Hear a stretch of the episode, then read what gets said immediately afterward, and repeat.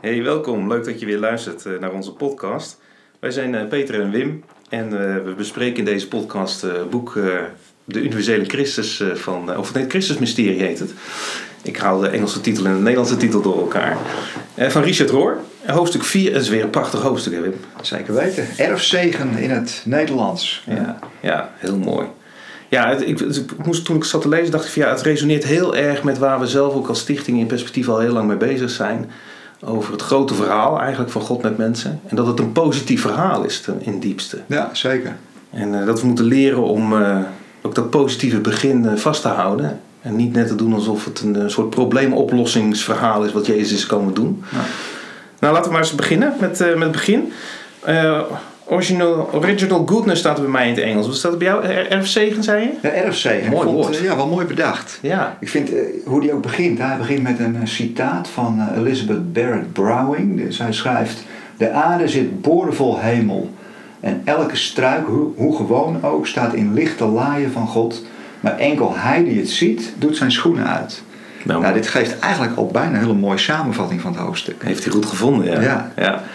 ja want laten we eens even kijken. Uh, misschien zo. Wat ik geleerd heb, laten we maar even terug naar de categorisatie die ik vroeger heb gehad.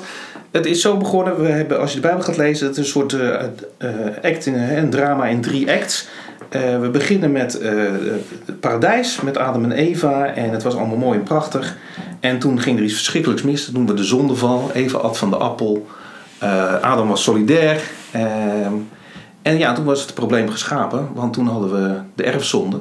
En toen moest er wat gebeuren en er is gelukkig eh, in het derde bedrijf een oplossing gekomen, dat is Jezus.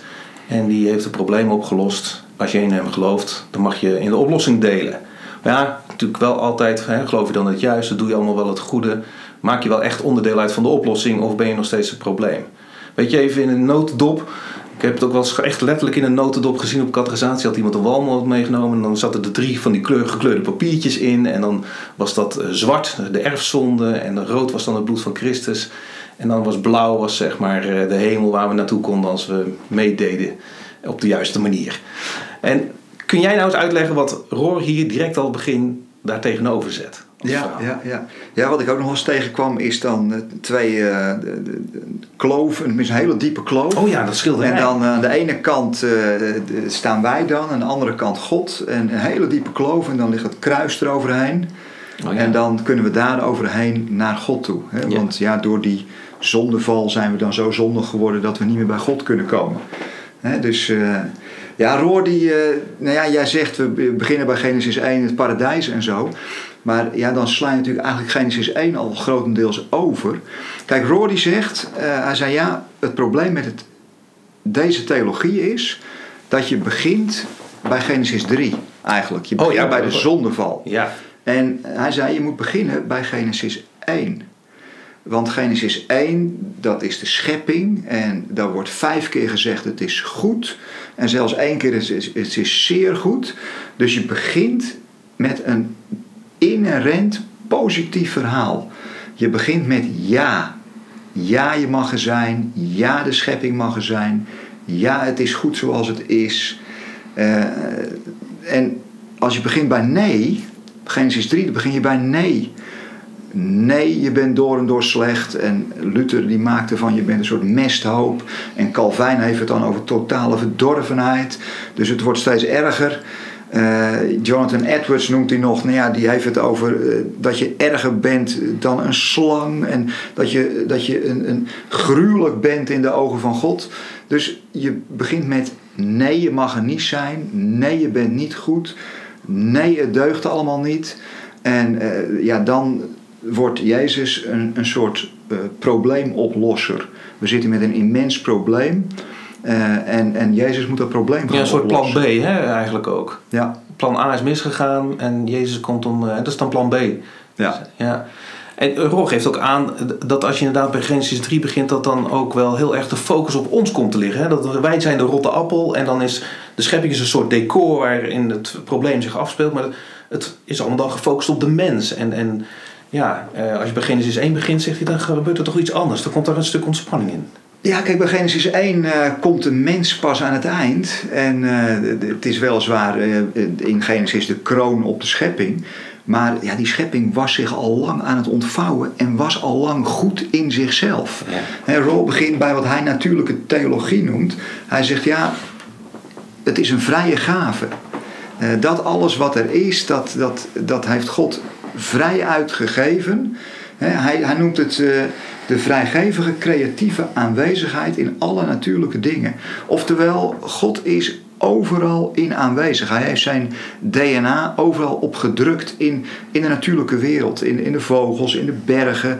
En hij zegt ja, in allerlei inheemse religies vind je dat gewoon heel natuurlijk terug. De verbinding met de natuur uh, als, uh, als een heilig uh, universum, als een sacraal universum. Hij noemt het ook de grote keten van het zijn. En uh, ja, dat, dat zijn wij wat kwijtgeraakt. Alhoewel je dat in de Bijbel ook heel nadrukkelijk terugvindt. Hè? Die, die natuurlijke theologie. Bijvoorbeeld, hij noemt bijvoorbeeld Job 39. Nou, daar is uh, God aan het woord ten opzichte van Job. En dan staat er: Weet jij wanneer de, werk, wanneer de berggeit moet werpen? Ben jij getuige van de weeën van de hinde? Kun jij de maanden tellen dat ze moet dragen? Weet jij wanneer ze moet baren? wanneer ze hurkt om de jongen van haar kalveren verlost te worden. Of het struisvogelvrouwtje staat vrolijk te klapwieken. Maar met haar slagpennen en veren is zij nog geen ooievaar. Of geef jij het paard zijn kracht, bekleed jij zijn nek met welige manen, laat jij hem voorwaarts springen als een springhaan. Van vreugde schraapt hij de grond in het dal. Nou, dit heeft allemaal geen mens nodig. Nee. Dus de mens is niet nodig om de schepping compleet te maken. dus met andere woorden, die schepping is fantastisch. Die heeft een innerlijke waardigheid, een onvoorwaardelijke innerlijke waardigheid. Uh, en uh, ja, de mens is daar later ook bijgekomen. Maar die heeft als het ware in zijn theologie die hele schepping geclaimd. Ja. Het gaat alleen nog maar om de mens. Ja. Wat jij al zei, de, de rest is decor geworden. Ja. Nee, de hele schepping heeft een innerlijke waardigheid. Dat noemt hij natuurlijke theologie. En geeft ook wel een stuk ontspanning volgens mij. Want als ik het goed begrijp, zegt hij... als Gods zorg en aandacht niet universeel zou zijn... als dat al niet helemaal in de schepping ook ingebakken zou zitten... Uh, maar bijvoorbeeld alleen af zou hangen voor wie of wat het waard is... dan ben je per definitie niet zeker of je erbij hoort. Of je erbij bent. En juist omdat het dus wel zo is... Uh, omdat Gods aanwezigheid in alle natuurlijke dingen zit... heeft alles een inherente waarde en jij dus ook. Ja, ja. Ja, dat wordt eigenlijk het fundament. Het fundament van, van alles is die innerlijke heiligheid bij hem en, en die innerlijke waardigheid. En hij zegt van ja, weet je, het, het is goed op zichzelf. En het is toereikend voor zichzelf. Hij zegt ja, hoe kun je dat nou gaan zien? Kijk, vaak, ik, ik fiets naar school op mijn e-bike, nou jij ook ja, uh, ondertussen. Af en toe samen, ja. En af en toe samen. En ja, als je het gaat je, soms moet je eens even rustig de tijd nemen om die natuur om je heen gewoon rustig op je, in, je, op te nemen. En dan zie je soms dingen en denk van wauw. Hij noemt dat contemplatie. Hmm. Hij zegt, we zijn zo gewend om de, de natuur om ons heen, de wereld om ons heen, de mensen om ons heen, om dat soort op de automatische piloot eh, te zien, gewoon eh, oppervlakkig te zien. Hij zei, je moet eigenlijk soms eens even de tijd nemen om het is rustig op je in te laten werken. Hoe mooi die ene bloem eigenlijk is. Ja. Of hoe mooi dat vogeltje is wat je eigenlijk hoort. Uh, hij, hij, noemt dat een zevende dag keuzeervaring. Soms hollen we en hollen we maar door, heel oppervlakkig en van alles nog wat aan doend. En zeg maar, je ziet in de Bijbel ook, die zes dagen is God bezig, is die, is die wereld zich aan het ontwikkelen. Die, die, die evolutie gaat maar door. 13,7 miljard. En, en er komt steeds weer, is die ontwikkeling bezig. Maar die zevende dag gebeurt er niks. Even geen ontwikkeling. Hij zegt dat is de Shabbat. Dat is die, die zevende dag ervaring. En dat noemt hij contemplatie. Dus neem nou momenten dat je niks doet. Dat je stil zit en dat je dingen op je in laat werken. En, en het mooie vind ik dat hij dan zegt van ja, dat is eigenlijk genade. Ja. De genade, natuurlijk heb je inspanning, maar uiteindelijk rust alles op de genade van de contemplatie. Dat je gaat zitten en denkt van, wauw, wat is het allemaal mooi gemaakt. Hij zegt ook, wij zijn, wij zijn mensen, wij zijn de enigen die daartoe in staat zijn. Wij zijn daarvoor gemaakt, zegt hij zelfs. Hè?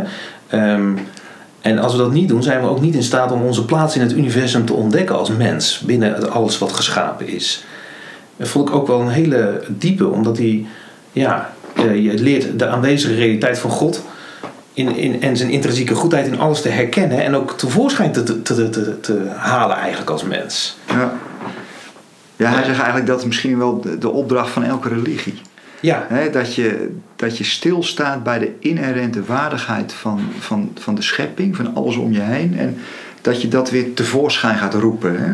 Ja. ja, hij geeft namelijk ook een soort recept hè, van hoe kun je dat doen volgens Roor. Want hij heeft het dan over spiegelen, over dingen uh, ja, uh, eigenlijk tevoorschijn roepen door te spiegelen. Ja. Kun, je, kun je dat toelichten wat hij daarmee uh, doet?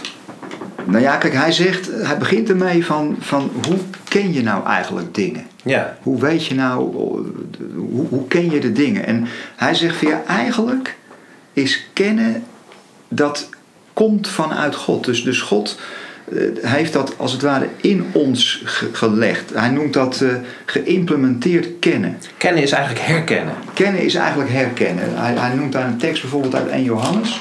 Ik zal ons even bijpakken. 1 Johannes 1 daar, gaat het in 1 Johannes gaat het veel over waarheid en over kennen en over liefde. En dan staat er in 1 Johannes uh, 2, dan staat er in het 21ste vers. Uh, ik schrijf u niet omdat u de waarheid niet zou kennen, maar juist omdat u die kent en omdat uit de waarheid nooit een leugen voortkomt. En die Rory zegt, ja maar we kennen innerlijk eigenlijk allemaal die waarheid. Dat is als het ware in het mens zijn en in het DNA van alles wat er bestaat is geïnjecteerd. Hij zei, en dat, dat innerlijk kennen, dat, dat zou je de innerlijke spiegel kunnen noemen. Of bewustzijn. Ja. Of ziel. Of, of wat Jeremia zegt, eh, de wet is in ons hart geschreven. En dat is zelfs de Heilige Geest volgens mij op een gegeven moment. Nou ja, hij zei, wij christenen noemen dat de Heilige Geest. Ja. Hij zei, maar dat is eigenlijk inwisselbaar. En ja, ik vind dat spannend aan de ene kant. En aan de andere kant helemaal niet zo spannend. Want eh, neem bijvoorbeeld een kunstenaar. Die is bezig en die zegt van ja, ik werd geïnspireerd. Mm. Ik had inspiratie. Ja, wie is nou de enige die inspiratie kan geven? Ja. Dat is de geest. Ja. En, en ja, de geest doorademt alles. En, en is er een andere geest dan de Heilige Geest dan? dus eh, ergens is het al heel erg logisch. Misschien hebben we het veel te veel van elkaar losgetrokken. Van, uh, dan hebben we het in, bij, in het christendom over ja, wij hebben de Heilige Geest en anderen hebben die niet. Ja, maar er is geen andere geest. Er is geen andere, er is geen ander bewustzijn. Nee. En, en, er is geen andere ziel. Dus, eh, en hij zegt eigenlijk van ja, het, het zit in je dat, dat innerlijk weten en dat bewustzijn. Alleen ga dat nou eens tevoorschijn halen. Ja. En dat kan door middel van spiegelen. Dus als je uh, er een spiegel op zet, dan komt het tevoorschijn. Dan, dan zie je het in die spiegel. Ja. Je creëert eigenlijk niks, maar je haalt iets tevoorschijn wat er al is. Ja. Hij zei, en zo kun je dat bij elkaar ook gaan spiegelen. Gaaf hè? Hey, en even dan terug naar waar wij dan ergens uh, een afslag gemist hebben. Laat maar even heel voorzichtig zeggen met, met Augustinus. En je noemde net ook al een paar andere kerkvaders. En dat concept van, van oerzonde of, of erfzonde eigenlijk moeten we het noemen. Kun je dat toelichten wat het inhoudt en, en waarom Augustinus dat concept dan introduceerde zo ergens de vijfde eeuw geloof ik, hè, 400 zoveel. Waar is dat dan vandaan gekomen? Ja, misschien nog één ding, want dat, dat vers uit Handeling 17 moet ik nog even Oh, oké, okay, ja. Dus even ter afsluiting. Ja. En dan gaan we uh, naar de erfzonde. Naar, naar de donkere, ja. Naar die ellende van de Augustinus. Uh, die man heeft prachtige dingen geschreven. Ja. Maar ja, dit is toch wel even een wissel die hij heeft omgezet. Nee, maar nog even kijken naar die natuurlijke, naar, naar, naar, die innerlijke, naar het innerlijke bewustzijn. Want het is nogal wat als je, als je dat gelijkstelt met, met God en, en, en met de Heilige Geest. Ja. Maar dat doet Paulus ook. Bijvoorbeeld tegen die heidense Atheners zegt hij... Uh, het was, het was Gods bedoeling dat ze hem zouden zoeken en hem al tastend zouden kunnen vinden. Maar ja, hoe kun je hem vinden dan? Nou, heel simpel. Nou ja, simpel, noem het maar simpel. Uh, aangezien hij van niemand van ons ver weg is. Want in hem leven wij. bewegen wij en zijn wij. Of, zoals ook enkele van uw eigen dichters hebben gezegd, uit Hem komen wij voort. Dus met andere woorden, dat is dat goddelijke DNA, dat bewustzijn dat gewoon in ons zit. En hoe hou je dat tevoorschijn? Al zoekende en tastende, ja, door te gaan spiegelen. Door uh, een, stukje bewustwording van wie je eigenlijk altijd al bent. Hij noemt het ook, dat is het werk van christen zijn, hè? Van, van eigenlijk van de christelijke religie. Het herkennen en het weerspiegelen van Gods ja, uh, goddelijke beeld in alles. Omdat het in, ook in alles zit. Ja. Prachtig dat hij dat het werk van religie noemt. Want wij zijn het wel een beetje anders gaan zien. Want dan kom ik toch een beetje terug naar dat donkere. Wij zijn uh, het werk van religie als een soort uh, probleem van, van ja, zondemanagement noemt hij het ook. en dat is eigenlijk een beetje gestart bij Augustinus, laten we hem toch nog even bij pakken. Ja, ja. Nou ja, wij hebben dat inclusieve, dat inclusieve ja van de schepping en dat inclusieve ja van die natuurlijke theologie, wat in alles aanwezig is, dat hebben wij even terzijde geschoven. Uh, en we zijn begonnen bij Genesis 3. Mm Dus uh, Augustinus die, uh, die, die heeft de erfzonde geïntroduceerd. Maar waarom dan? ja, dat is een goede vraag. Ik, ik denk, kijk, Augustinus zat natuurlijk in, in de tijd van het Romeinse Rijk. het, het, het, christendom was in plaats van een onschuldige vanuit de, samenleving opkomende, vanuit een, een minderheid opkomende stroming. Uh, was het een, een soort imperiale godsdienst geworden. Staatsgodsdienst. Dus een, een, godsdienst van de heersers. Hmm. Nou, jij ziet door de hele Bijbel heen natuurlijk dat, dat als godsdienst wordt vermengd met macht, dan wordt het een soort machtsinstituut. Je zou bijna kunnen zeggen, het christendom was een soort machtsinstituut geworden. En hoe kun je nu mensen heel makkelijk tot gehoorzaamheid dwingen? Nou, door te zeggen dat ze, dat ze niet goed zijn en dat ze naar jou moeten luisteren. en, en dat jij ze wel leert om uh, dat jij ze leert, uh, als ze maar naar jou luisteren, komt het goed. Dus ik, ik denk, ja, Augustinus wat dat betreft, zat hij in een hele wonderlijke fase van de geschiedenis. Hmm een, heel negatieve fase van de geschiedenis. Ja, er kwam natuurlijk een heel groot institutie kwam, hè, het Keizerlijke Rijk. Dat is natuurlijk gewoon een enorm instituut. Ik geloof dat Roor ook aangeeft van ja, dat, dat institutionele of dat collectieve denken, dat zat er natuurlijk ook in. En hij, eigenlijk was het ook wel een soort troost, begrijp ik. Een soort, ik vind hem wel erg genadig naar Augustinus toe daarin. Van ja, uh, Augustinus probeerde ook een beetje dat individuele uh, ervan af te halen. Van joh, dat is niet jouw in, hè, die zonde dat is niet jouw individuele probleem, maar dat is ons collectieve probleem. Dat is eigenlijk jou aangedaan, want je bent al geboren in zonde. In, in, in zonde geboren en ontvangen, uh, zoals we dat in het uh, formulier nog steeds tegenkomen in de christelijke ja. kerk. Ja, ik heb het idee, ik weet niet of hij aan Augustinus nou goed praat, maar dat hij zegt van, nou ja, weet je, we hebben een slechte theologie, zondeval theologie. Eigenlijk begin je je theologie met wantrouwen en uh, met nee zeggen tegen alles. Ja. Je begint je theologie met een probleem.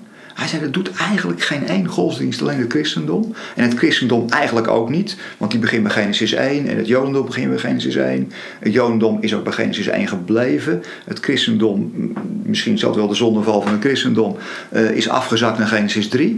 Maar hij zegt van, zelfs met dat negatieve, die negatieve theologie van de zondeval, kun je nog iets positiefs uitpurren als je goed je best oh, doet. Ja. Want je, kunt, je zou nog kunnen zeggen: oké, dat kan ook een stukje barmhartigheid geven. Van ja, joh, we zitten allemaal in die situatie. Dus laten we mild zijn naar elkaar. Want we kunnen er tenslotte ook niks aan doen. dus eh, nou ja, dan zou je er nog een soort pastorale draai aan kunnen geven. Hij zei: maar ja, weet je, een slechte theologie. Uh, kan, kan toch de boel niet oplossen. Want ja, waar, waartoe heeft het uiteindelijk geleid? Die, die, die erfzonde van Augustinus. Uh, ja, dat de dood van Jezus centraal kwam te staan, zijn offerdood. Dat leven van Jezus, ja, dat hadden we in een half A4'tje kunnen samenvatten, want daar kunnen we toch niks mee. Hij moest komen om te sterven.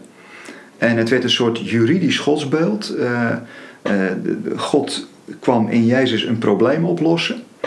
En uh, Luther maakte het nog wat erger. Eigenlijk is de mensheid is één grote mesthoop. Uh, Calvijn die zei ja, de mens is totaal verdorven. Met andere woorden, ja, het christendom wordt wel eens verweten dat ze een, een negatieve antropologie hebben. Ja, dat kun je wel stellen. Een negatief mensbeeld. En als je zo'n negatief mensbeeld hebt. en je gaat zo ook naar elkaar kijken en naar jezelf kijken. Ja, dan, dan, dan kijk je naar elkaar met, met, met, uh, met argwaan. Uh, uh, je, je vertrouwt elkaar niet meer. Het, het wordt een soort competitie. Ja. als je elkaar de hand geeft, dan tel je de vingers na. en, en dat is een beetje het hart van het, het christendom geworden zeg maar, dat, dat negatieve. Ja, voorstelt dat we hiermee dus het zicht op Gods meesterplan voor de mensheid en voor de schepping uit het oog zijn verloren. Is dat iets wat jij herkent? Dat dit uh, het zicht belemmert op Gods grote plan en op zijn uh, doel met ons? Ja, als je natuurlijk uh, de, de, kijkt naar, naar de kerk, dan is het eigenlijk geworden redden wie het te redden valt. We hebben een soort mesthoop, we hebben een soort vuurzee, we hebben, we hebben ook een soort hel gecreëerd van, nou ja, als je niet, dan ga je voor eeuwig verloren. Dus in plaats van het grote plan van nou die inherente waardigheid en die inherente heiligheid en geloof, hoop en liefde wat in alles geïnjecteerd is, uh, de, de, grote keten van zijn en, en die hele schepping die zich beweegt naar een positief doel toe, is het nu geworden van nou, het gaat alleen om de mens. De rest van de schepping, uh, ja, die zal door vuur vergaan. Dus daar houden we ons niet mee bezig. Uh, het gaat om de redding van zoveel mogelijk individuen. Calv volgens Calvijn is dat één uit een stad of één uit een dorp. Dus van het hele grote plan van God, waarin alles en iedereen is inbesloten, redden we hooguit nog een paar individuen.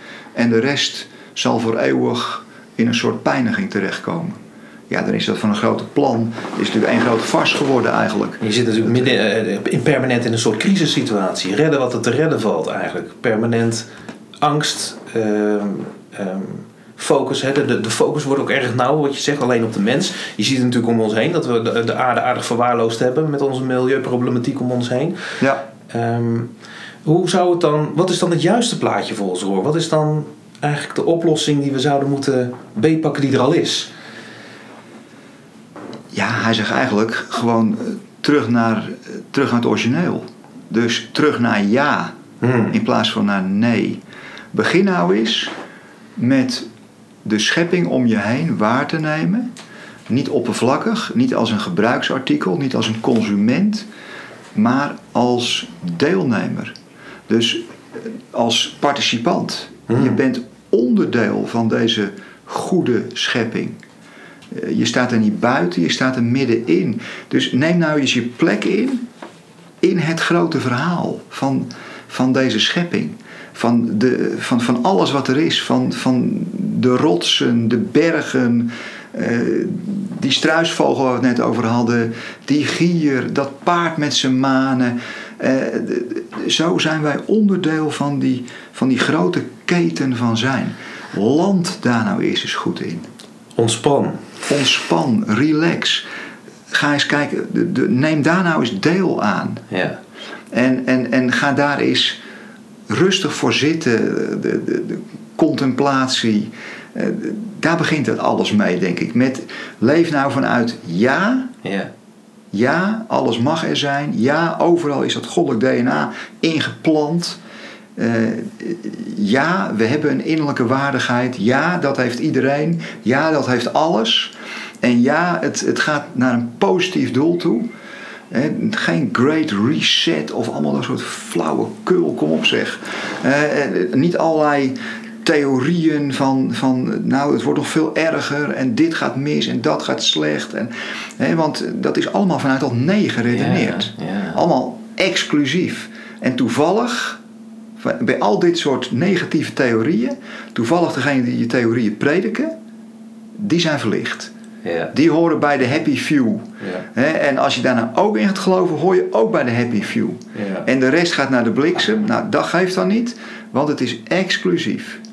Een soort schizofrenie krijg je toch ook? Ja. Dat, dat ja, je, ja, Roor zegt het ook, hè, dat je krijgt een soort schizofrenie ook in het beeld van Jezus. Hij was liefde op aarde, maar in het hiernamaals is het de straf van de rechter.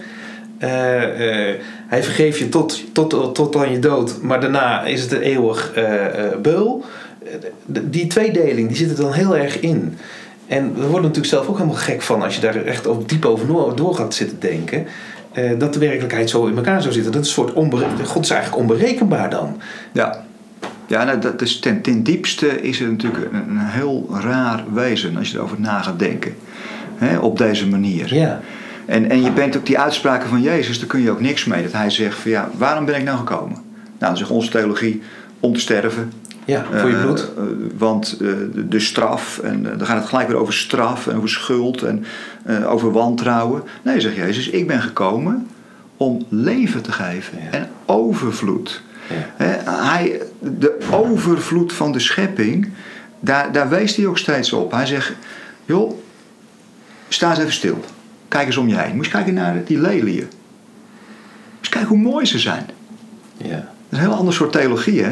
Ja. Kijk eens hoe mooi ze zijn. Nou, jullie zijn nog veel mooier. Of uh, kijk eens naar die musjes. Ja. Nou, ja, die... God kent ze allemaal. Het DNA zit in al die musjes. Zouden jullie dan niet kennen? Dus het is steeds spiegelen van de inherente waardigheid van de schepping naar de inherente waardigheid van de mens. Jezus doet dat eigenlijk voortdurend. Eh, als die aarde gaat plukken, hij is, voortdurend is hij daarmee bezig. En wij hebben dat losgekoppeld en we hebben gezegd van wacht even. Uh, het is een juridisch godsbeeld. God is boos op ons. We hebben het verpest. Hebben, doen we dan niks fout? De inherente waardigheid. Ja, natuurlijk gaan er dingen fout. En natuurlijk hebben we ons soms vervreemd van, van de schepping. Misschien is zonde wel dat we los zijn komen te staan van die inherente waardigheid die, die in alles zit. Dat we ons vervreemd hebben van onszelf, Mhm. doordat we ons vervreemd hebben van dat wat God in ons geplant heeft. Maar hebben we dus ons ook als collectief, als kerk, vervreemd van de maatschappij? Is, is het daarom, ik heb soms het gevoel dat we als kerk ook helemaal niet zo relevant meer zijn voor de maatschappij. Dat de maatschappij al veel verder is met, van, vanuit dat schizofrene beeld dat wij nog steeds hebben. Dat, dat risico van het bestaan. En je komt er wel of je komt er niet. Dat winner-loser effect. Dat de maatschappij daar langzamerhand dan ook aan voorbij aan het gaan. Ik denk van ja, dat is niet meer het verhaal waar we mee uh, kunnen redden. Hier gaan we de wereld niet mee verbeteren. Nee, nee ik, ik denk wel eens dat de, de, de samenleving weer een beetje dat ja aan het ontdekken is. Ja. Uh, misschien dat dat vooruitgang is in plaats van de materiële vooruitgang, een soort mentale sprong. Van joh, je mag er zijn en het, het is goed. Uh, en, en dat we als christendom toch wel zijn blijven hangen in een stuk middeleeuwse theologie van hemel, hel, straf, beloning. En ja, dat we natuurlijk eigenlijk een beetje een fossiel overblijfsel aan het worden zijn in die ja. zin. Het is niet relevant omdat we eigenlijk geen boodschap hebben voor de schepping. Uh, we, hebben, we hebben het nog steeds over de, mensen uit het vuur rukken en jij, jij bent verloren en jij bent behouden. Uh, ja, ja ik, ik, denk dat we onze relevantie een beetje aan het verliezen zijn. Ja. En dat merk je natuurlijk wel. Hè? Je merkt natuurlijk in veel evangelische gemeentes, als het over zendingsbewustzijn gaat, ook, ook in onze kerk van de Nazarenen, waar wij dan samen lid van zijn, mm-hmm. worstelen ze daarmee van hoe kun je nou missionair betrokken zijn. En ja, dan is het toch, ja, je moet evangeliseren of je moet het goede nieuws vertellen. Maar ja, wat is dan het goede nieuws? Ja. Dat Jezus voor jouw zonde gestorven is Precies. en dat je dat moet op de juiste manier moet geloven om gered te worden. Ja. Is dat dan de kern van het goede nieuws? We hebben eigenlijk geen goed nieuws. Nee. nee. Dat is eigenlijk heel slecht nieuws. Ja. Uh, want wat gebeurt er dan met iedereen die dat niet gelooft? Ja, dat, uh, dan wordt God boos. Dus dat, dat, dat hele, de kern van het christendom moeten we herzien. Oké, dat voel ik. Maar dan die positieve visie. Uh, om weg te komen van die probleemkijk die we nu net beschrijven. En dat weten we allebei hartstikke goed hoe, hoe, hoe, groot dat probleemkijken eigenlijk is op de werkelijkheid. Hij, dan zegt Roor, um, om daarop weg te komen is een diep vertrouwen in de inherente goedheid van de menselijke natuur nodig. Waarom moet volgens Roor de christelijke verhaallijn starten met zo'n positief groot verhaal? Wat levert dat op? Ja, wat levert dat op? Nou ja, kijk, dan krijg ook een andere visie op wie nou Christus is, wie Jezus is. Je, je start niet met wantrouwen, je start met vertrouwen. En als je jezelf kunt vertrouwen en je kunt andere mensen vertrouwen, ja, dan creëer je een veilige omgeving. je creëert een positiever verhaal. Dus het, het is zeg maar een soort zelfversterkend verhaal steeds. Terwijl als je begint bij een probleem, ja, dan eindig je vaak ook met een probleem. En als mensen dan niet meegaan in jouw oplossing, ja, dan heb je altijd een paar mensen die gaan mee in jouw oplossing en de rest blijft hangen in het probleem. Ja. Dus het, het, het wordt heel erg exclusief. En, en begin je bij het positieve verhaal, ja, dan, dan eindig je ook positief. En dan wordt, wordt Jezus niet iemand. Uh, de, de, Jezus als eh, min of meer vertegenwoordiger van de Christus, de vleesgeworden Christus op aarde, die, die kwam niet zozeer om een probleem op te lossen. Nee, hij kwam juist om te vertellen. Hij, hij was, Roor noemt het een gave die wijst op de gave. Mhm. Dus hij was een gave van God uh, die wees op de gaven die hij gegeven heeft aan iedereen. Eigenlijk die grote spiegel. Die groot, ja, de, de grootste spiegel alle tijden. Ja. die laat zien hoe goed God is, hoe goed de schepping is, hoe liefdevol alles is. En, en ja, wat is natuurlijk het, het, het, drama van de geschiedenis, noem ik dat dan maar. dat hij aan een kruis beland is en, en, en dat hij doodgemaakt is. Ja, dat was min of meer. Eh, hij stuitte tegen de machthebbers. En hij stuitte tegen dat machtsdenken. Hij stuitte eigenlijk eh, tegen dat wantrouwen. Ja, dat angstgebaseerde... Dat, dat angstgebaseerde ja. imperiumdenken. Ja. De, de, Bijbel noemt het Egypte of Babel of, of Rome. Eh, eh, dat machtsdenken wat, wat eigenlijk niks kan met die inherente waardigheid en die inherente heiligheid. En, nou ja, en wat natuurlijk zo triest is, dat we eigenlijk als christendom dat machtsdenken hebben omarmd. Uiteindelijk, dus daar eigenlijk de boodschap van Jezus hebben veronachtzaamd. Mhm. Hij ging kapot aan dat machtsdenken. En we hebben dat machtsdenken genomen.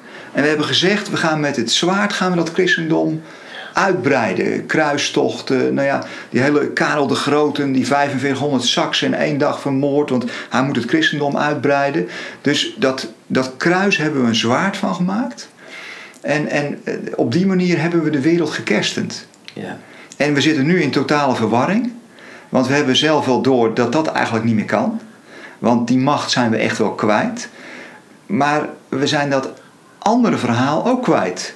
Want in onze theologie hebben we dat imperiale denken nog. Van straf en beloning. En uh, als ze je niet geloven, dan gaan ze verloren. En, uh, dus we hebben dat imperiale denken, hebben we.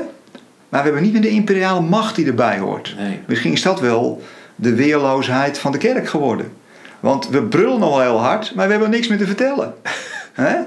maar Roor is ook genadig naar ons. Hij zegt, want joh uh, dat vond ik zelf nog wel een probleem. In die zin dat hij aangeeft dat ons brein eigenlijk gewoon hardwired is voor uh, angst en problemen. Wij, wij focussen daar direct op. Als er ergens iets is. Ik zie trouwens zelf in mijn dagelijks leven ook. Je, bent vooral gefocust op problemen. Iemand snapt iets niet. Oh, moet ik het gaan uitleggen hè, voor de klas?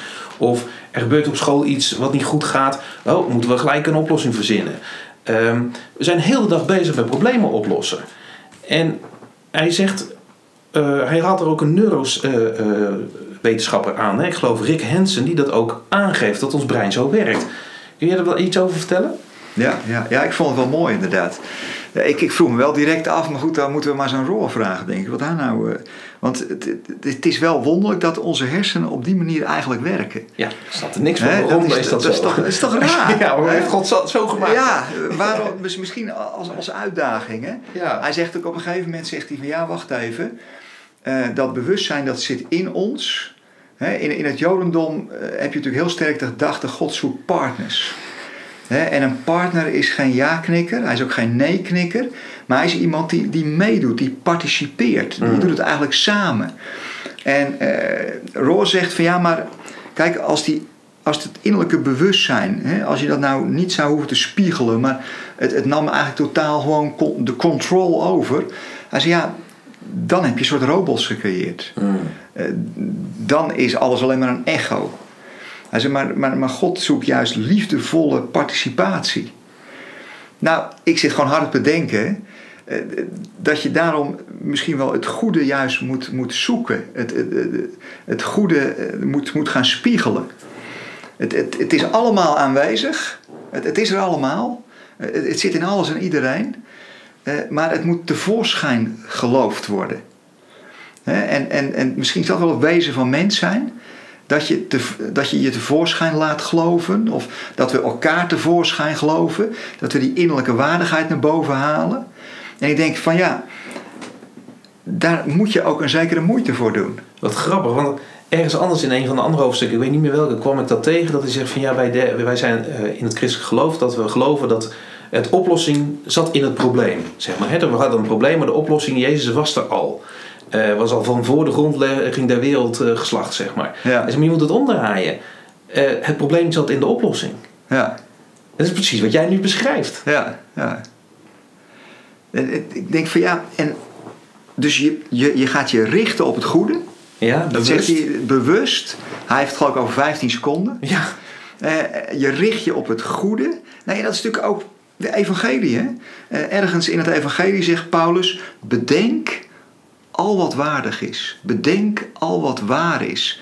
Bedenk al wat lof verdient. Bedenk dat. En wat gebeurt er dan? Jij als Bijbelkenner, als je dat gaat bedenken. Ja, dan komt het er ook. Geloof het tevoorschijn. Ja, en dan staat er: dan zal de vrede van God je hart vervullen. Dan, komt die in, dan komt die innerlijke vrede, dan komt die shalom, dan komt die heelheid. Eh, maar de moeite die je moet doen, is dat je bewust gaat bedenken die goedheid, ja. die waardigheid. Uh, als je dat bewust gaat worden en je gaat dat bedenken, nou ja, volgens die, uh, onze, onze hersenwetenschappen minstens 15 seconden. Ja, Rick Hansen. Ja. Rick Hansen, minstens 15 seconden sta je daar echt bij stil. En dan gaat het ook je denken veranderen. He, neuroplasticiteit noemt hij dat. Dan, dan, dan wordt je brein ook echt anders. Nou, dat is toch fantastisch. Ja. dus, dus je hebt dat in die zin. Ja, we zijn geschapen naar zijn beeld. In hem leven en bewegen bij ons. Maar tegelijkertijd zijn we aan het zoeken en tasten. Zoekend en tastend. Ja. En, en wat zegt Paulus dan tegen die Atheners? Dat is Gods wil. Dat wij zoekend en tastend Hem zouden vinden. En waar? In onszelf. En in elkaar. En in die berggeit. En in die struisvogel. En in dat rotsblok. Ja. Daar gaan we hem vinden. Maar wat moeten we daarvoor doen dan? Nou, minstens 15 seconden. Even kijken naar. Wat is dat voor een fantastisch beest, die berggeit? Wat mooi, die arend die daar vliegt. Kijk er even rustig naar. Laat het op je inwerken. En, en als je dat doet, dan gaat het je ook innerlijk veranderen. Dus dan kom je in een soort innerlijk veranderingsproces. Wat is daarvoor nodig? Contemplatie. Ja, het is niet voor niks dat Richard Rohr natuurlijk een centrum ja, ja, is voor actie en contemplatie. Nou ja, het gaat best wel diep, want hij geeft een hele concrete aanpak. Als, dan, dan heeft hij het over eigenlijk geloof, hoop en liefde. Je noemde ze ook al in, in verband met Paulus. Ehm, en hij baseert het ook op, op tekst uit Romeinen, volgens mij Romeinen 5 en Romeinen 8, over dat de liefde van God al in ons hart is uitgegoten. En dat de uh, geest van het zoonschap ehm, geloof en hoop dat wij die hebben. En hij zegt dan: christelijk leven is eigenlijk gewoon simpelweg worden wie we al zijn. Worden wie je bent. Ja. Hebben we ooit al een studie aan het organiseren? Ja, ik zat ook aan te denken, ja. Ja, dat is wel mooi, hè? Want kijk, je zou denken, ja, Richard Rohr heeft allemaal ideeën, maar waar staat het dan in de Bijbel? Nou, de, bijvoorbeeld Romeinen 5, vers, vers 5. Kijk, als je het gaat zien, dan zie je het, hè? Deze hoop zal niet worden beschaamd, omdat Gods liefde in ons hart is uitgegoten door de Heilige Geest. Toen wij nog hulpeloos waren, is Christus immers voor ons, die op dat moment nog schuldig waren, gestorven. Eh, met andere woorden, Gods liefde, vers 5, is in ons hart uitgegoten door de Heilige Geest. Dus die is er als het ware ingeïnjecteerd. Uh, of even wat verderop in, in Romeinen 8. Uh, dus het gaat over mensbeeld. Hè? Wat zit er in een mens? En, wat mag je daarop vertrouwen, zeg ja. maar? Ja. Uh, u hebt de geest ontvangen om Gods kinderen te zijn en om met hem te kunnen aanroepen, Abba, Vader. De geest zelf verzekert onze geest dat wij Gods kinderen zijn. En nu we zijn kinderen zijn, zijn we ook erfgenamen, erfgenamen van God. Samen met Christus zijn wij erfgenamen. dus eh, worden wie we al zijn. Nou, dit, dit zit in het mens zijn. Nu citeer ik weer even Rohr. Dit zit in het menselijk DNA. Dat goddelijk DNA is geïnfecteerd in het menselijk DNA. Ja. Dus het, het is er altijd al in. En wij moeten wakker worden en het bewust omarmen. En um, erop vertrouwen eigenlijk als bron dat het er ook is. Ja, hij zegt eigenlijk je moet wakker geschud worden. Ja. Het, eh, en bewust er ja tegen zeggen. Ja. Bewust en ja tegen zeggen. Want anders blijft dat altijd een beetje onder de oppervlakte. En ja, leef je een beetje op de automatische piloot, zou je kunnen zeggen. Ja. Uh, en, en zodat, want dat vond ik ook zo mooi dat hij dat zei. Uh, en zodat het beeld, hè, dat je, je bent naar zijn beeld geschapen, maar zodat het beeld gelijkenis wordt. Ja, dat vind ik wel heel mooi. Dat vind ik wel heel mooi. Uh, de, de, als het beeld beeld blijft, ja, dan, dan heeft het ook geen. dan werkt het ook niet in je leven uit. Ja, is niet ja. ontwikkeld. Ja. Als het beeld gelijkenis wordt, ja, dan heeft die contemplatie plaatsgevonden. Heeft die spiegeling plaatsgevonden. Ja. Dan ben je eigenlijk langzaam maar zeker mens aan het worden. Dan ben je aan het worden wie je in wezen al was. Je zou bijna het in een scheppingsverhaal kunnen zien, hè? of een, een evolutionair verhaal. Want, want, evolutie is natuurlijk een vorm van schepping. Want God, Gods geest is er altijd bij betrokken. Maar de, de, de, iets is in potentie. Zo'n zaadje is in potentie al alles. Alles zit erin. Ja. Alleen dat, dat zaadje moet ontkiemen. En, en, en dan, dan komt alles er ook uit. En als dat zaadje niet ontkiemt, dan, dan blijft het beeld, maar het, het wordt nog geen gelijkenis. He, Roor zegt op een gegeven moment, ja, maar je doet er echt toe. Ja. Het, het, het, het is geen automatisme. Je doet er toe. Ja, daar haalt die menselijke vrijheid bij. Ja dat, nou ja, dat is die liefdevolle participatie. Ja. Het is wel participatie. En het is vrijheid, eh, vanuit vrijheid dat dat nodig en, is. En dat vind ik wel mooi, want dan, dan denken we vanuit het nee uh, toch gelijk weer van, oh, maar wat als je dan niet. Nee, zegt hij, God heeft de tijd. Het is zijn barmhartigheid dat hij gewoon wacht. En dat hij je liefdevol verleidt en blijft verleiden om te gaan participeren. Om tevoorschijn te komen. Om tevoorschijn te komen. Ja. En misschien is dat wel ten diepste evangelisatie. Ja, dat, dat is, je hebt die tekst wel eens vaak aangehaald, maar dat uitgeloof tot geloof moet ik heel erg ja, Romeinen 1, vers 16 en 17. Dat is het goede nieuws, dat, dat God ons tevoorschijn gelooft. Dat wat er inherent in zit, komt, wordt gespiegeld. Nou, misschien is evangeliseren wel spiegelen. Ten diepste spiegelen. Gewoon, ga maar eens vertellen over die fantastische dwergheid. Dat is een hele aparte evangelisatie. Ja, zeker. Van de fantastische. En, en eh, denk, er eens even, denk even 15 seconden over de bergheid.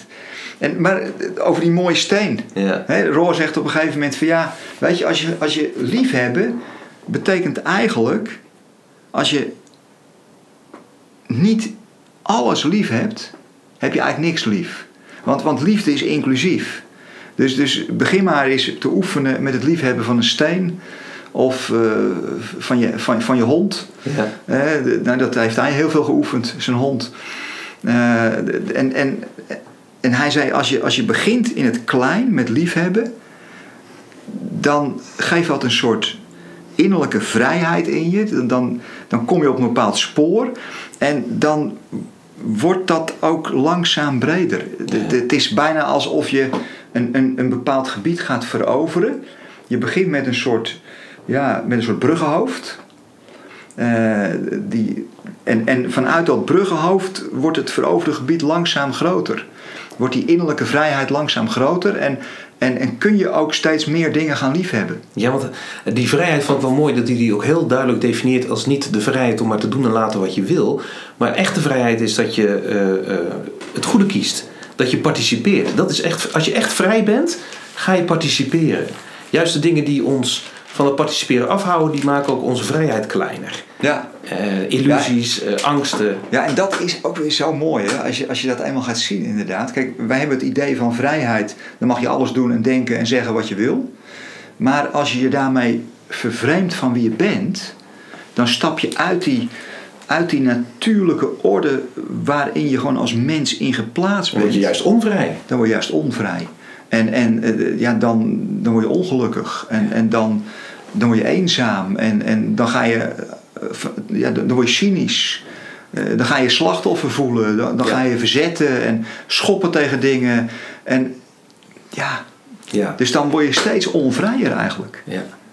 En dan is het de kunst, ik moet even denken aan dat wat wij dagelijks meemaken voor de klas. Dan is het echt de kunst om wel te spiegelen, maar dan zonder oordeel of zonder afwijzing. Ja. En ook zonder verbetering voor het Gewoon even laten zien wat er gebeurt. Ja.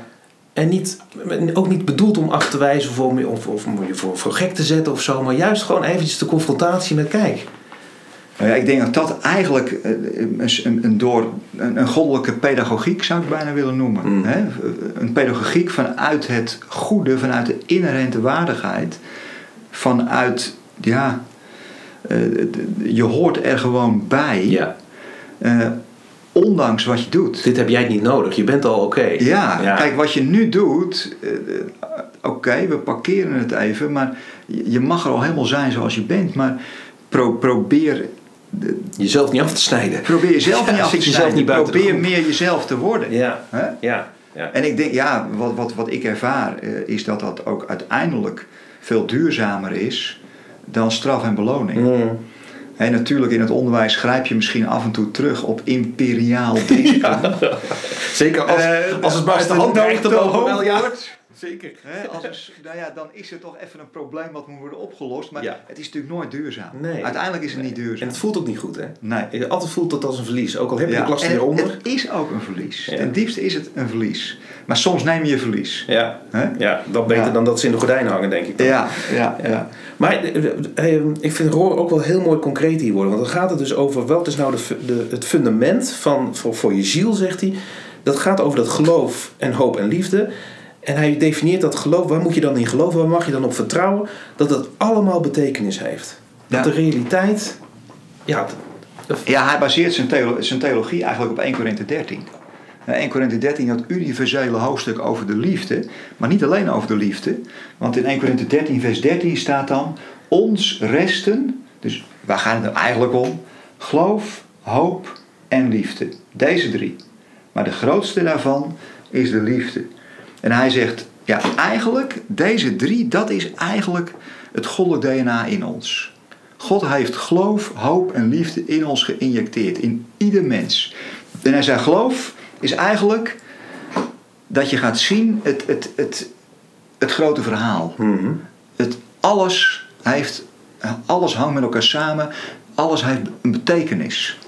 Dat je erop mag vertrouwen. Geloof is eigenlijk vertrouwen, zeg je. Geloof is eigenlijk vertrouwen dat het allemaal een betekenis heeft. Ja. toevallig gisteren, Ruud, als je het nog eens luistert, uh, van, had ik een, een, een, was ik met, met mijn broer uit eten. En, en, ja, mijn broer is een beetje afgeknapt op het ouderwetse christelijke verhaal. En, en toen hadden we het eigenlijk over geloof, hoop en liefde. Ik zei, joh, Ruud, geloof je nou dat dingen betekenis hebben? Hij zei, ik zei, is het niet heel, eigenlijk heel triest als niks een betekenis zou hebben. Hij zei, nee, dat kan ik ook niet geloven. Het moet toch een betekenis hebben. Ik zeg, kijk, dat, dat is vertrouwen. Dat is in wezen geloof. Eh, durf je te vertrouwen dat alles een betekenis heeft? Nou, maar, en en leuk, dat zit er gewoon ingeïnjecteerd. Wij hebben de behoefte om te vertrouwen dat het een betekenis heeft. Wat doe je anders op school? of, wat doe je anders met je leven? Dan, dan kun je toch beter massaal er maar gelijk een eind aan maken. Als het toch allemaal geen betekenis heeft. Dus als, dat, dat, daar begint alles mee. Dat is fundamenteel. En hoop, zegt hij dan, ja, als alles een betekenis heeft, leidt het dan ook tot iets goeds. Als je dat nou niet gelooft, je denkt van alles heeft een betekenis, maar het leidt nergens. Ja, nee, dat hoort erbij natuurlijk. Dat het dan wel, ja. Ja, het, het leidt ook tot iets goeds. Ja. Ja. En, en dan zegt hij, ja, liefde, dat is hoop. Want hoop doet leven. Ja. iedereen is hoopvol eigenlijk. Want anders kom je soms je bed niet nee, meer precies, ja. dus je hebt iets om voor te leven. Het, het leidt tot iets goeds. En dan zegt hij, liefde is dat dat goede ook mij omvat. En dat dat goede alles en iedereen omvat. Dat is liefde. Eh, ja, dat, dat, is natuurlijk wel prachtig als, je, als je dat zo ziet. Geloof, hoop en liefde. Maar de grootste daarvan is de liefde. Want ja, wat is er erger dan te geloven dat alles betekenis heeft? En uh, dat het naar een, een, goed einde toe leidt. En dat jij er niet bij er geen deel van ja, uitmaakt. Oh. Of, of dat jij er geen deel van uitmaakt. Uh, dus dat je het exclusief gaat maken. Ja, ja dan, dan, dan wordt geloven, uh, geloven en, en hoop, dat wordt iets verschrikkelijks als, als jouw geliefde er niet bij is. Wat, wat moeten wij God verdriet hebben gedaan door dat te gaan vertellen aan mensen? Dat je het risico loopt dat jij er niet bij hoort. Ja, ik zie dat stiekem als de zondeval van het christendom. Ja, je zei het, ja. Dat, dat is, ja, je maakt eigenlijk zegen tot een soort vloek voor veel Ja. mensen. ja. Ja. Wat is dan volgens Roor die gezonde religie en een gezonde manier van kerk zijn? Ja, hij, hij eindigt het, het, het hoofdstuk een beetje met... eh, eh, ja, je kunt... Er is een universele gedeelde waardigheid. Dat is die natuurlijke theologie. En er is een inherente goedheid. Dat is geloof, hoop en liefde geïnjecteerd in, in ieder mens. Hij zei, ja, eigenlijk moeten we daar onze, ons kerk zijn op gaan baseren. Hij noemt dat bouwen op de rots. Mm. Hè, die rots, dat is die, die universele waardigheid eh, van alles en iedereen. En Mens en natuur. alles. Dat is die universele waardigheid. En, en die inherente goedheid. Hij zei, als je daar nou je, je, je, je kerk op gaat bouwen, ja, dan, dan ben je altijd inclusief. Dan, dan, heb je niet, de- dan heb je niet de neiging om exclusief te worden. En hij zei, bouwen op zand, dat is eigenlijk bouwen op het probleem. Op het grote nee. Van ja, we zijn inherent slecht en er is een, een zondeval en we, we, we moeten, eh, de, de- we moeten weer eh, bij, bij God uitzien te komen en daar hebben we Christus voor nodig als probleemoplosser. Ja. Bouwen op de rots is Christus zien als eh, ja, de alles in allen, als, als, eh, als de geest die overal in doorwerkt. eh, Christus als het levende woord van God. eh, in hem leven en bewegen wij ons. Eigenlijk als het zijn zelf. En Jezus als degene die kwam als mens, de Christus als mens, die de liefde van God kwam uitdragen en die leven en overvloed kwam geven, eh, die uiteindelijk stuk liep op het, op het machtsdenken en op het systeem, maar die nog aan het kruis liep, vader vergeef het ze, want ze weten niet wat ze doen, eh, en eh, ja, die, eh, niet, die doorgaat totdat het laatste schaap binnen is. Dus eh, die Jezus, die, eh, die de emotie van God laat zien, die de liefde van God handen en voeten geeft. En die Christus die eigenlijk alles in allen is. Nou, als dat het fundament van de kerk wordt, ja, dan hoef je ook geen andere mensen uit te sluiten. Want ja, we zijn gewoon, dan ben je denk ik echt een oefenplaats van de liefde, om dat begrip nog maar eens even te noemen. Ja, en Roor Ja. is daar wel stellig in. Hij zegt, dit is de enige manier om opnieuw het christelijke project op te eisen. Als, als ons project, als christelijke kerk. Dan moeten we dat fundamenteel, dat uitgangspunt veranderen. Vanuit een ander punt vertrekken. Vanuit een ander punt kijken. Namelijk, het is allemaal goed. En het is allemaal door God eh, ingegeven. Niet alleen geschapen, maar hij is erin aanwezig. En hij brengt het ook tot een goed einde. Hij noemt dat de collectieve veiligheid. Ja. En een verzekerd succes. Dus even kijken, hij eindigt heel mooi in dit hoofdstuk. Even kijken. Ik pak hem er even bij. Die laatste bladzijde. Ja, ja, dat is over hoe redding er eigenlijk uitziet. Ja. Dus, eh, het hoofdstuk eindigt hij dan met een paar fantastische zinnen. We moeten het christelijke project oppoetsen en het opbouwen vanuit het ware beginpunt van erfgoedheid. Dus je moet gewoon bij Genesis 1 beginnen. In plaats van Eh, erf zonder erfgoedheid. Ja. En we moeten Jezus weer leren kennen als inclusieve re- redder. In plaats van als exclusieve rechter. Na de dood, dat oordeel, Jezus als rechter. Nee, Jezus is redder. Maar dan in de zin van inclusief voor alles en iedereen. Eh, en als een Christus die de, die de geschiedenis omvat als de kosmische alfa en omega. Dat is die hoop dat het uiteindelijk allemaal tot iets goeds leidt. Dan kunnen zowel de geschiedenis als het individu voortleven in gezamenlijke veiligheid. Dan heb je geen competitie met andere religies ten diepste. Ook geen competitie tussen individuen. Want je hebt allebei je eigen innerlijke waardigheid en veiligheid. Eh, misschien moet je dan ook de samenleving anders gaan inrichten. Want waarom is de een dan hoger of beter dan de ander? Ja. Maar goed, dat is een ander verhaal.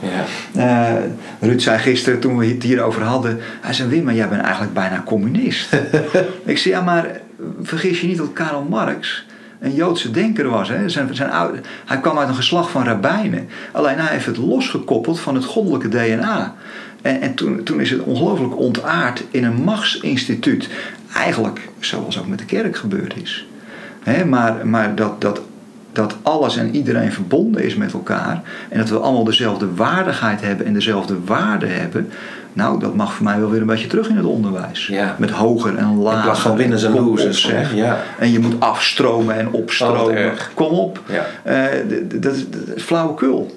Ja. Eh, hij zei, eh, en dan eindigt hij met: dan kunnen zowel de geschiedenis als het individu voortleven in gezamenlijke veiligheid met de verzekering van een goede afloop. Sommigen noemen dit de wezenlijke kern van verlossing. De wezenlijke kern van verlossing is, is, dat, we, is dat we dit weer gaan herkennen en zien. Vanuit die ontspanning, vanuit de collectieve eh, veiligheid dat God er is, ons draagt en het tot een goed einde gaat brengen. Ja, ik denk vanuit dat eh, zevende dag denken, zeg maar. Ja. Nou ja, en dan kom je ook weer tot actie. Kijk, vanuit dit grote verhaal en vanuit deze ontspanning ga je ontspannen tot actie over. Kom je tot ontmoeting. Ontmoeting en, en dan ga je kijken van ja, maar hoe kunnen we deze, deze schepping weer eh, een goede push geven? Maar wel vanuit ontspanning, vanuit het idee van de goede afloop. Laten we daarmee afsluiten. Dan wens ik onze luisteraars een hele ontspannen week met eh, dit goede nieuws. Ik hoop dat je dit uitgangspunt kan volgen en delen. Wim, bedankt. Jij bedankt. Het was weer een leuk eh, gesprek zo. Tot de volgende keer Tot de volgende keer.